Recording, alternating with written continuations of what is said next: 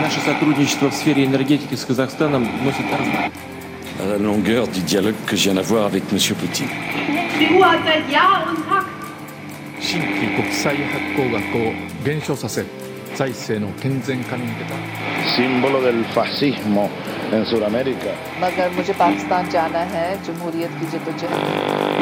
En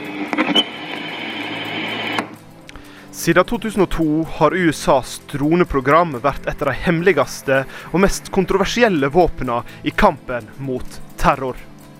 Nå er det tatt i bruk for å drepe ledere i verdens mektigste terrororganisasjon, IS.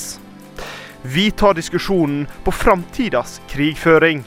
Er det kontroversielt? Er det nyttig? Og hva er det egentlig droneprogrammene går ut på? Du hører på Utenriksmagasinet MIR. Mitt navn er Daniel Gangeskar. Med meg i studio har jeg Trull Truls Moltebakk og Thomas Hawks. Nå skal dere få høre Strange Hellos med Summer. Hei, dette er forsvarsminister Ine Eriksen Søreide. Du hører på utenriksmagasinet MIR. USA har lenge benytta droneangrep i kampen mot terrorisme. Droneangrep er blitt sagt å være umenneskelig, det er blitt sagt å være kontroversielt. Men hva går det egentlig ut på?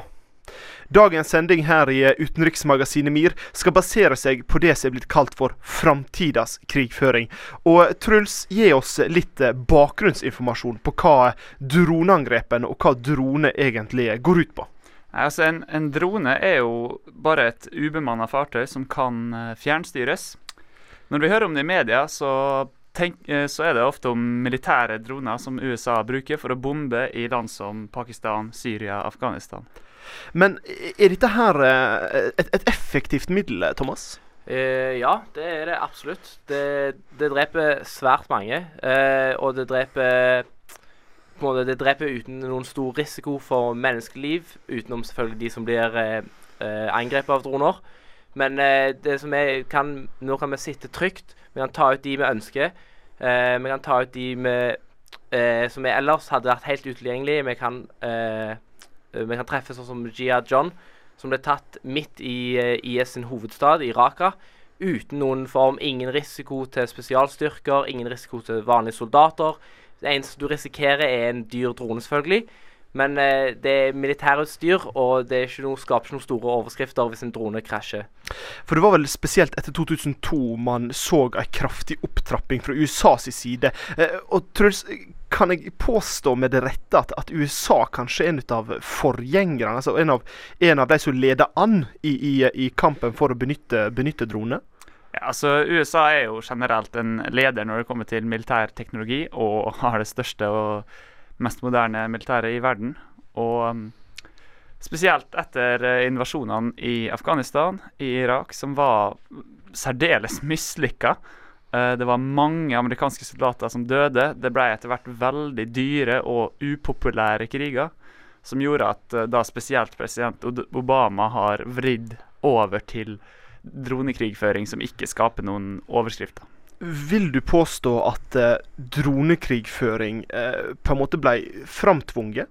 Det ble jo ikke framtvunget, men det er jo en teknologisk nyvinning som har gjort det mulig å hva jeg si, finne et kompromiss mellom det som er særdeles upopulære kriger, mens på andre sida ses på som en uh, nødvendighet i kampen mot terror. Vi skal jo komme litt tilbake til akkurat det her med, med, med kontroversene rundt dette, og litt om, litt om veien videre. Men, men, eh, gjør USA det, det rette her, Thomas? Er, er det fornuftig med, med droner? Og med tanke på det, det grunnlaget det her eh, legger, er det, er det effektivt? Det er, jo, eh, det er jo effektivt i den formen at de dreper mange terrorister. Eller mange de identifiserer identifisere som terrorister. Det er jo det nettopp som er problemet med dronekrig. er måte Hvordan du velger å identifisere folk. Er det nok å si at du, har, eh, du møter mange terrorister, du ringer mange terrorister på telefonen din? Er du da sjøl en terrorist? Du gjerne går på de samme kafeene som terrorister? Opp, hvis du oppholder deg i samme måte, rom, tid og rom som en terrorist, er du da òg medskyldig? Fortjener du da, og på en måte, burde du eh, bli eh, målet for et droneangrep da? Det er nettopp det som har vært problemet. og Det er derfor det er så vanskelig å si om disse droneangrepene er effektive. Fordi man vet, man vet ikke helt hvem man dreper, men man tror det er terrorister. Det som har kommet ganske samtidig med droneteknologi, er jo eh, smarttelefoner og GPS-er og den type teknologi. Satellitter og enorm overvåkning. Det har gjort at eh, USA f.eks.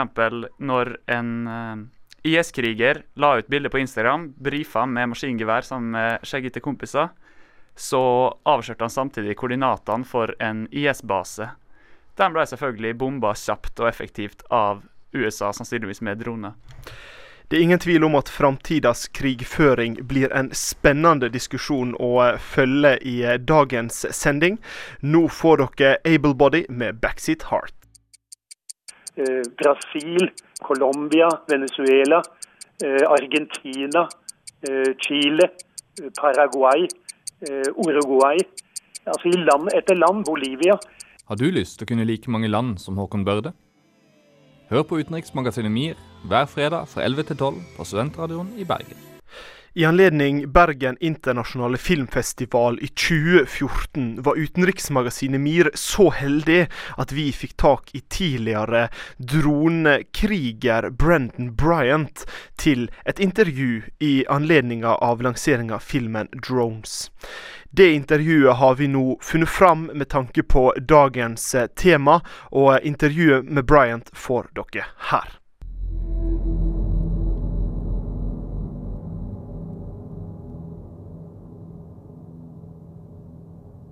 We're the ultimate voyeurs, the ultimate peeping toms. I'm watching this person, and this person has no clue what's going on. No one's gonna catch us, and we're getting orders to take these people's lives. Det siste tiåret har USA drevet en dronekrig som har gått særlig hardt utover Waziristan, et grenseområde mellom Pakistan og Afghanistan, hvor amerikanerne har drept flere tusen mennesker i jakten på terrorister. Filmen Drone ser nærmere på amerikanernes droneprogram. I filmen er den tidligere dronepiloten Brandon Bryant en sentral skikkelse. Det første han fortalte meg, var hvordan dronepiloter går frem når de skal gjennomføre et angrep. how a, a strike happens is um, usually it's uh, uh, we get we get confirmation that uh, we're getting a strike from from another source. We don't make the decision ourselves. We're told that we're going to make a strike. There's a nine line that's passed, which is which is uh, basically like where you're at, where the enemy's at, where your target location's at. If there's any friendlies in the area, where how high altitude you're at, what munitions you're going to release. It's supposed to be a legal document that says this is the reason why you're shooting, and, and legally this is why you're shooting. And then uh, you sit there and you go through, run through some checklists like you power up the missile, you aim at your target, you turn on the laser, and you a laser target. And then yeah, once you're done through that checklist, you kind of just sit there and you're like, okay, sensor operators ready to fire, pilots ready to fire, um, safety observers there, and they observe everything, make sure everyone's following all the rules and regulations, and then you fire the missile. Når man har vært gjennom rutinene så mange ganger, går det til slutt nesten på automatikk. Once you've done it so times, kind of like. I mean, it's been three and a half years since uh, I was last in the drone community, and I can still remember most of the checklist procedures and the nine line, and it's drilled into you so much that you just automatically do it. So there really is no time for thought once it happens. Selv om det ikke var mye tid til refleksjoner på jobb, har Brandon Bryant hatt nok av tid til å tenke senere. Siden han i sitt første dødelige droneangrep tok livet av tre menn, har han senere tatt ytterligere ti liv. Totalt har hans skvadron tatt livet av 1626 mennesker, et tall som sitter brent fast i Bryants hukommelse. Why it disturbed me, why that number bothered me, was because I knew that I killed 13 people when I was leaving.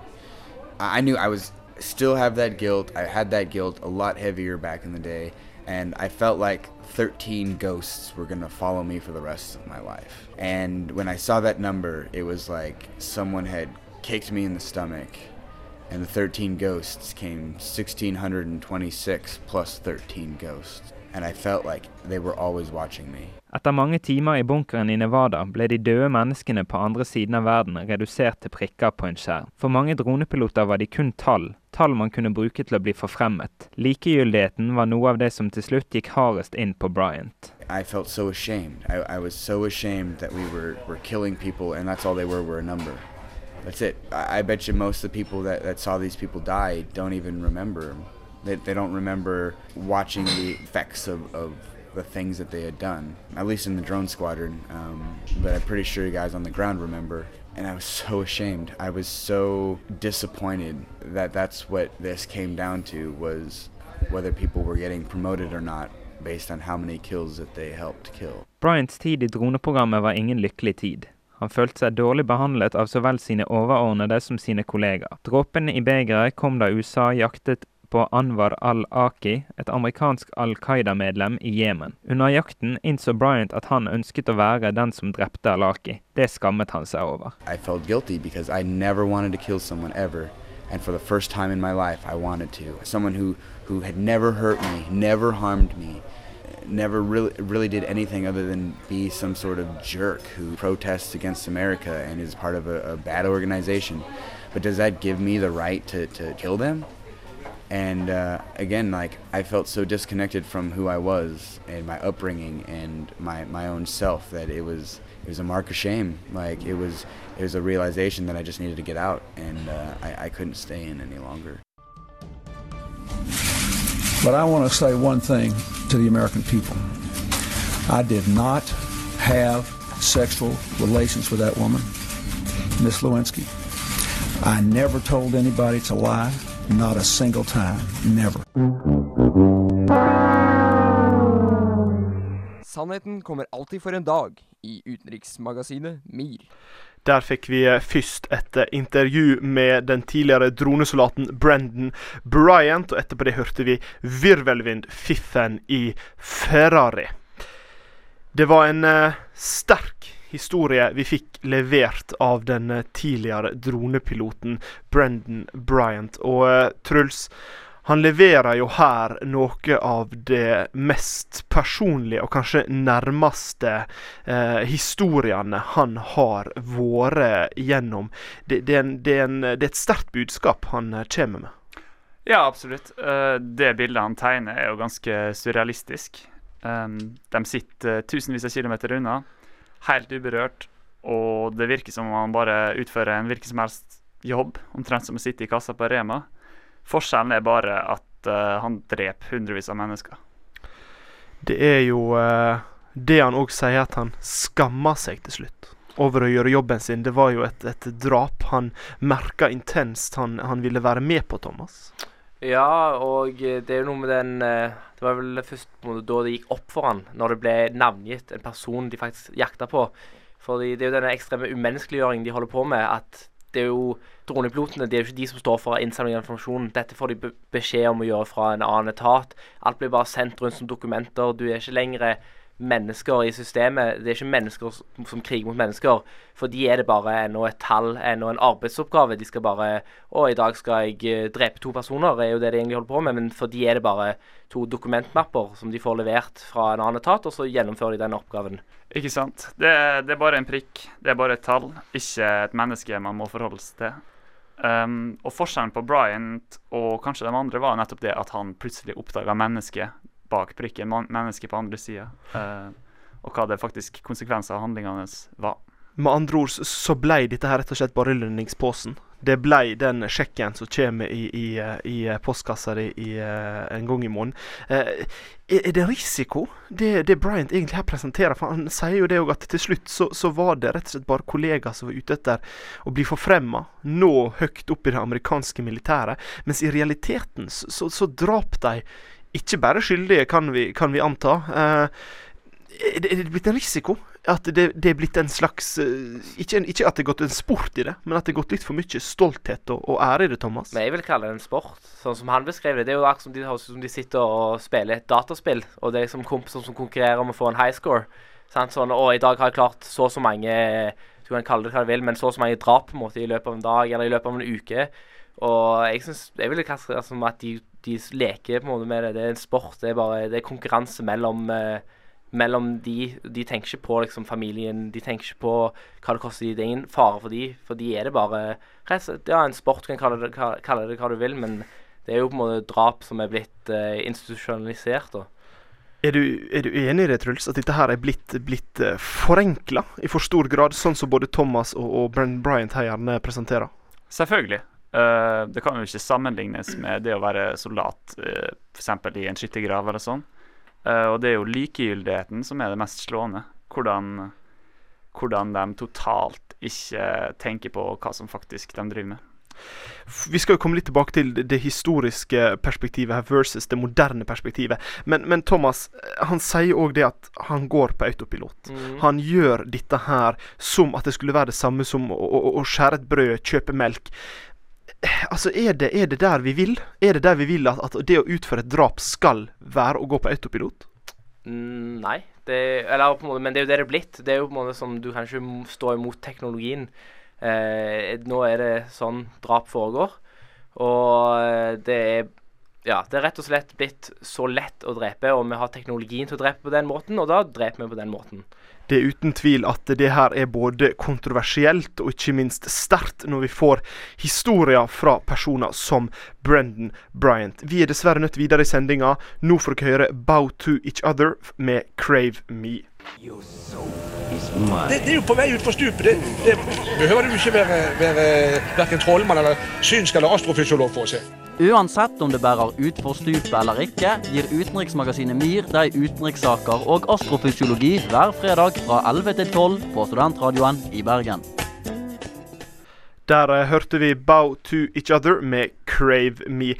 Dere hører nå på utenriksmagasinet MIR her på studentradioen i eh, Bergen. I dagens studio er det meg, Daniel, og med meg har jeg Truls og Thomas. Og i dag diskuterer vi framtidas krigføring. Vi diskuterer ikke minst drone og drone angrep. Vi har eh, tidligere hørt et intervju med Brendan Bryant, og vi diskuterte jo litt etterspillene etter intervjuet hans.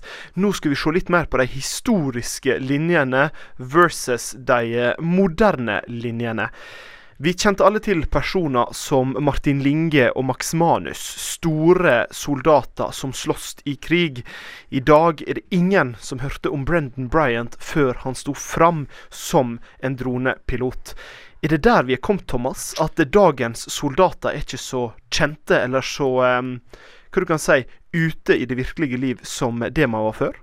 Jeg tror ikke USA har noen interesse i at de er kjente. Jeg tror USA har lyst til at dette skal holdes så stille som mulig. Jeg tror, ikke noen av, jeg tror de har ingen ønske om at noen av disse dronekrigerne skal bli kjente, skal snakke med media, skal bli helter på den samme måten. For dette er et svært kontroversiell måte å føre krig på. Det er ikke den gamle, gamle heroismen som det var før, med man, Manuel Mano. Eh, det var livet på spill, du redda kameratene dine i krig.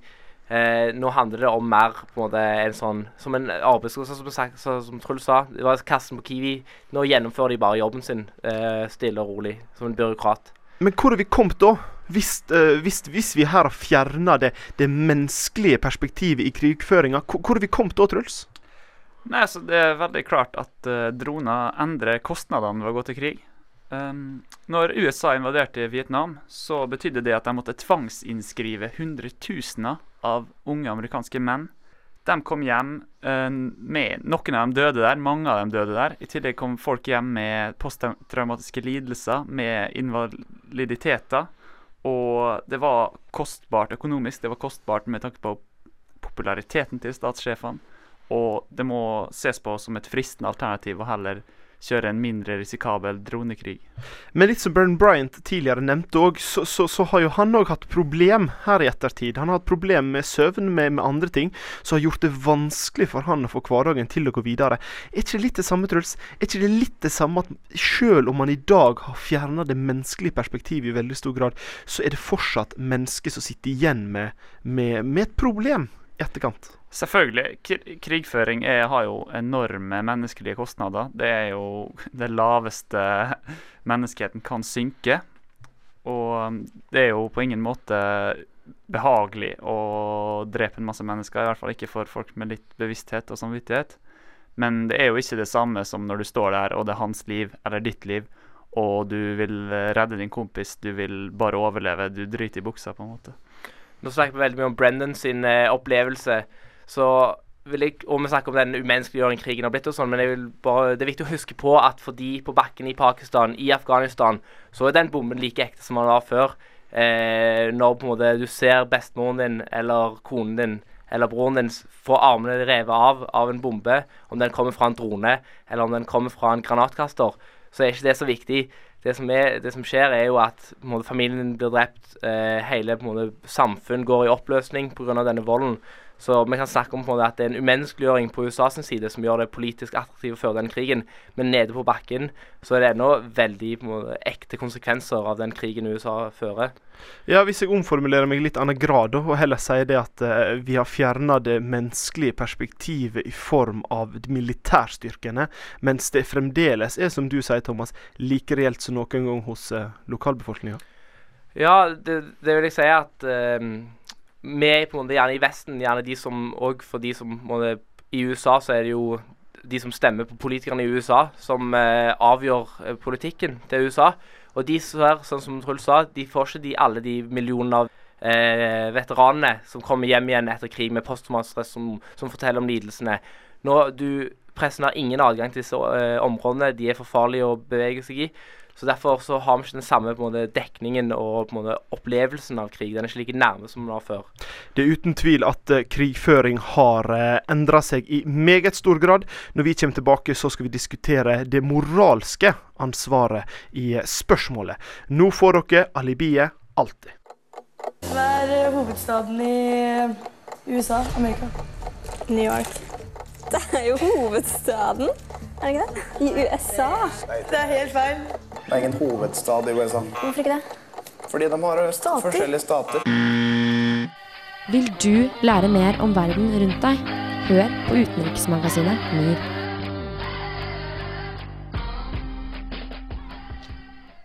Der hørte vi alibiet med Alltid.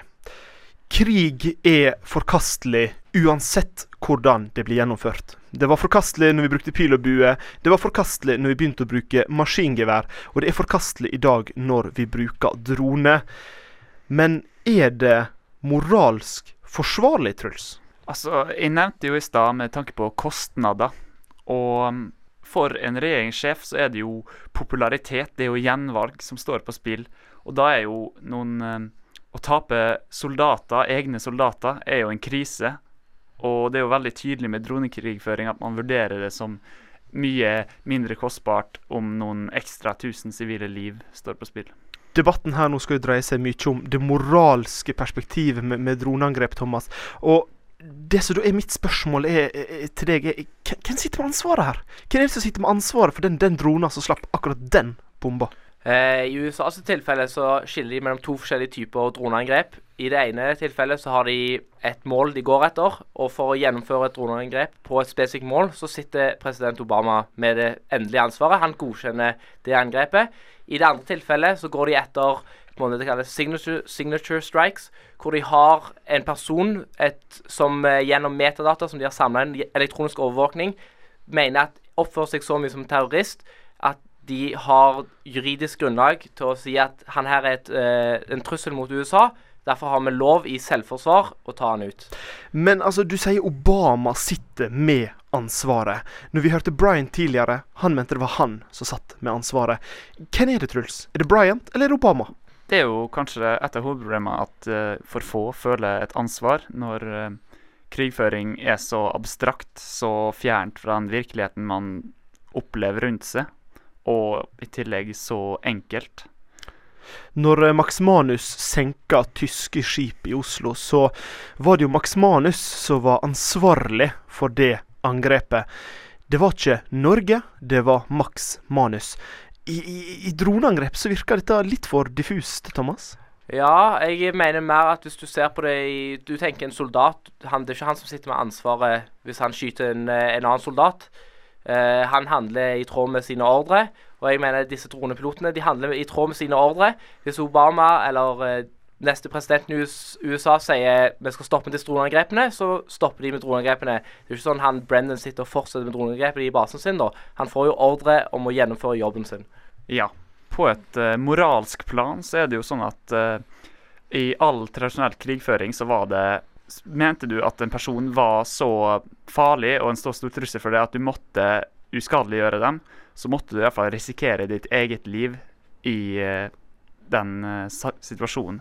Nå er jo kanskje krigføring på vei til å bli så billig, så lett og så, en så enkel løsning at, at man har ikke den, den kostnaden. Og da blir jo nesten Det blir jo nesten for kvalmt og for enkelt. Men er ikke problemet her at det, det blir litt for enkelt å si 'it was the big guy'? Altså, Sitter ikke du med et ansvar til å si nei, Thomas? Ja, men da kan du gå tilbake og finne mye verre til tilfeller på folk som har ansvar. Tenk på han som slapp atombomben over Hiroshima og Nagasaki. Tenk på de pilotene der. Er det deres ansvar? De mener nei. Det er jo selvfølgelig de som gir den ordren. Det er et byråkrati, det er et system liksom, Dette er militæret, og der er det de som sitter på toppen, som har ansvar. Ellers kan det bli stilt for krigsrett. Eh, så jeg mener absolutt de som sitter med ansvaret, er de som sitter med makten. Mener du det er moralsk forsvarlig å fortsette med droneangrep? Eh, jeg føler at i svært spesifikke tilfeller så det, kan det være moralsk forsvarlig, men jeg mener at det blir brukt i altfor stor grad nå, og altfor indiskriminativt. De treffer altfor mange, de bruker det altfor lett. Jeg syns du kan gå etter spesifikke mål, men sånn som de holder på med, bare hvor de registrerer et SIM-kort som har ringt feil, de feil numrene, og så tar det ut, det er forkastelig. Det er ingen tvil om at eh, krigføring er alltid grusomt. Nå får dere høre André Øy med Pop-Up. Det som er essensen, er at det, altså det, det er realøkonomien som betyr noe.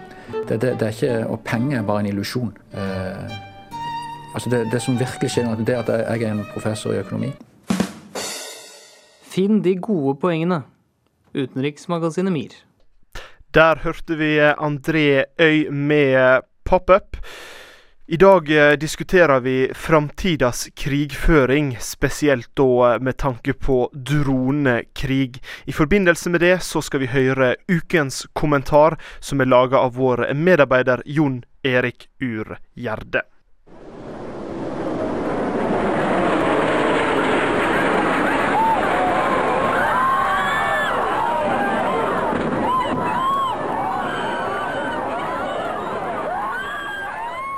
Mange av oss har det fremdeles vagt i minne.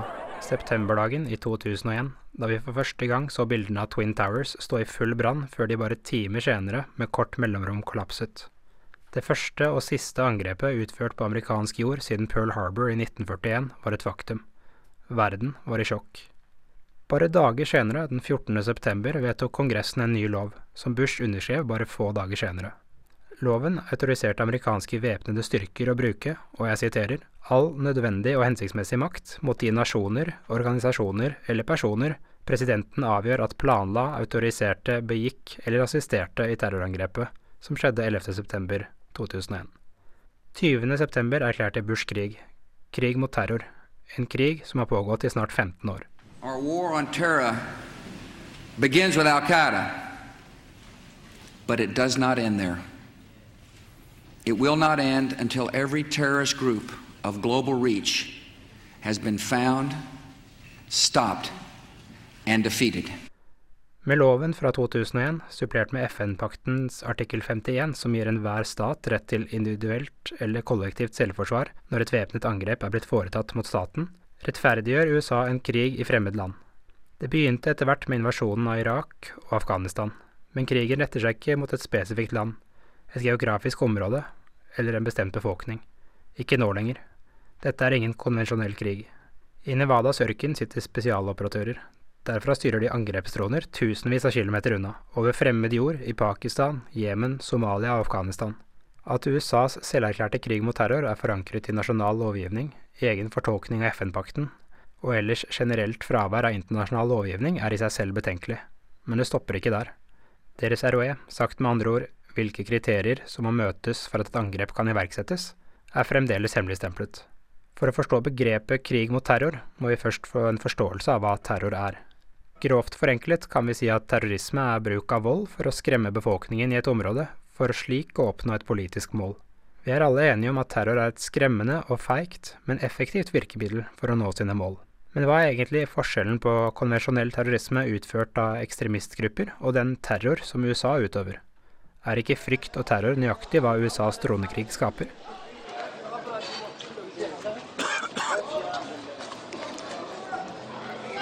ومعنا ثلاثية وبعدين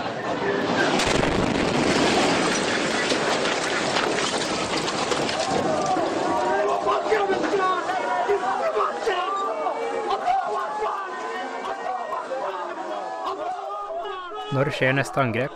Hvor rammer det? Vil mine barn komme hjem fra skolen med livet i behold også i dag? La oss ta et steg tilbake igjen, til loven fra 2001. For det første autoriserer den all nødvendig og hensiktsmessig makt. Men hvem avgjør hva som er nødvendig, og hva som er hensiktsmessig? Hva som kan anses nødvendig og hensiktsmessig, vil variere, alt etter hvilket formål du ønsker å oppnå. Det mest graverende er likevel den neste delen av lovteksten.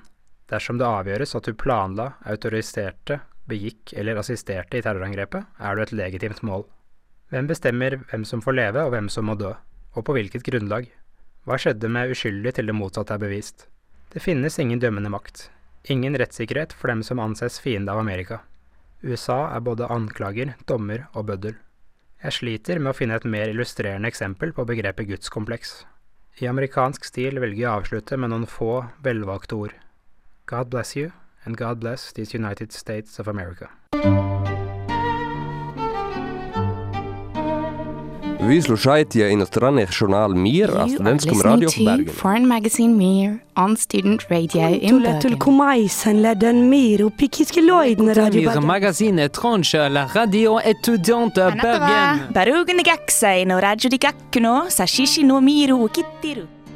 Utenriksmagasinet MIR snakker alle språk. Hver fredag fra 11 til 12 på Studentradioen i Bergen. Der fikk vi eh, bærtur med We Are The Word.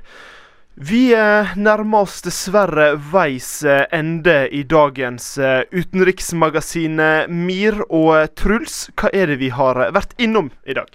Nei, For det første så har vi hørt om droner, og hvordan moderne droneteknologi endrer krigføring og kostnadene som det innebærer å gå til krig. Videre så hørte vi Brendan Bryant fortelle om da han var dronefører, og likegyldigheten eh, droneførerne hadde til det de drev med. Så diskuterte vi rundt eh, eh, Brian sitt intervju, før vi gikk videre og diskuterte hvordan krigføring har forandret seg fra soldater på bakken til høyteknologisk dronekrig i luften. Til slutt avslutta vi med eh, å diskutere om dronekrig kan forsvares fra et moralsk standpunkt. I tillegg fikk vi eh, ukens kommentar, levert av vår medarbeider Jon Erik Ur Gjerde, som gikk på USA og deres forhold til eh, dronekrig. Da er det bare å takke så mye til eh, Truls Moltubakk og Thomas Hawks her i studio. Tusen hjertelig takk til eh, Brendan Bryant, som stilte opp i 2014 for et intervju med utenriksmagasinet MIR, og vår medarbeider Alexander Losnegård, som eh, lagde det intervjuet. I tillegg så eh, må vi få takke Jon Erik Urgjerde for å ha levert ukens eh, kommentar. Tusen hjertelig takk for meg. Mitt navn er Daniel Gangeskar. Husk at du kan finne oss på Facebook, Twitter og Instagram, og ikke minst på srib.no, der du kan høre sendingene våre over og over og over igjen. Etter oss kommer Pluto Pop. Ha en fortsatt fin fredag.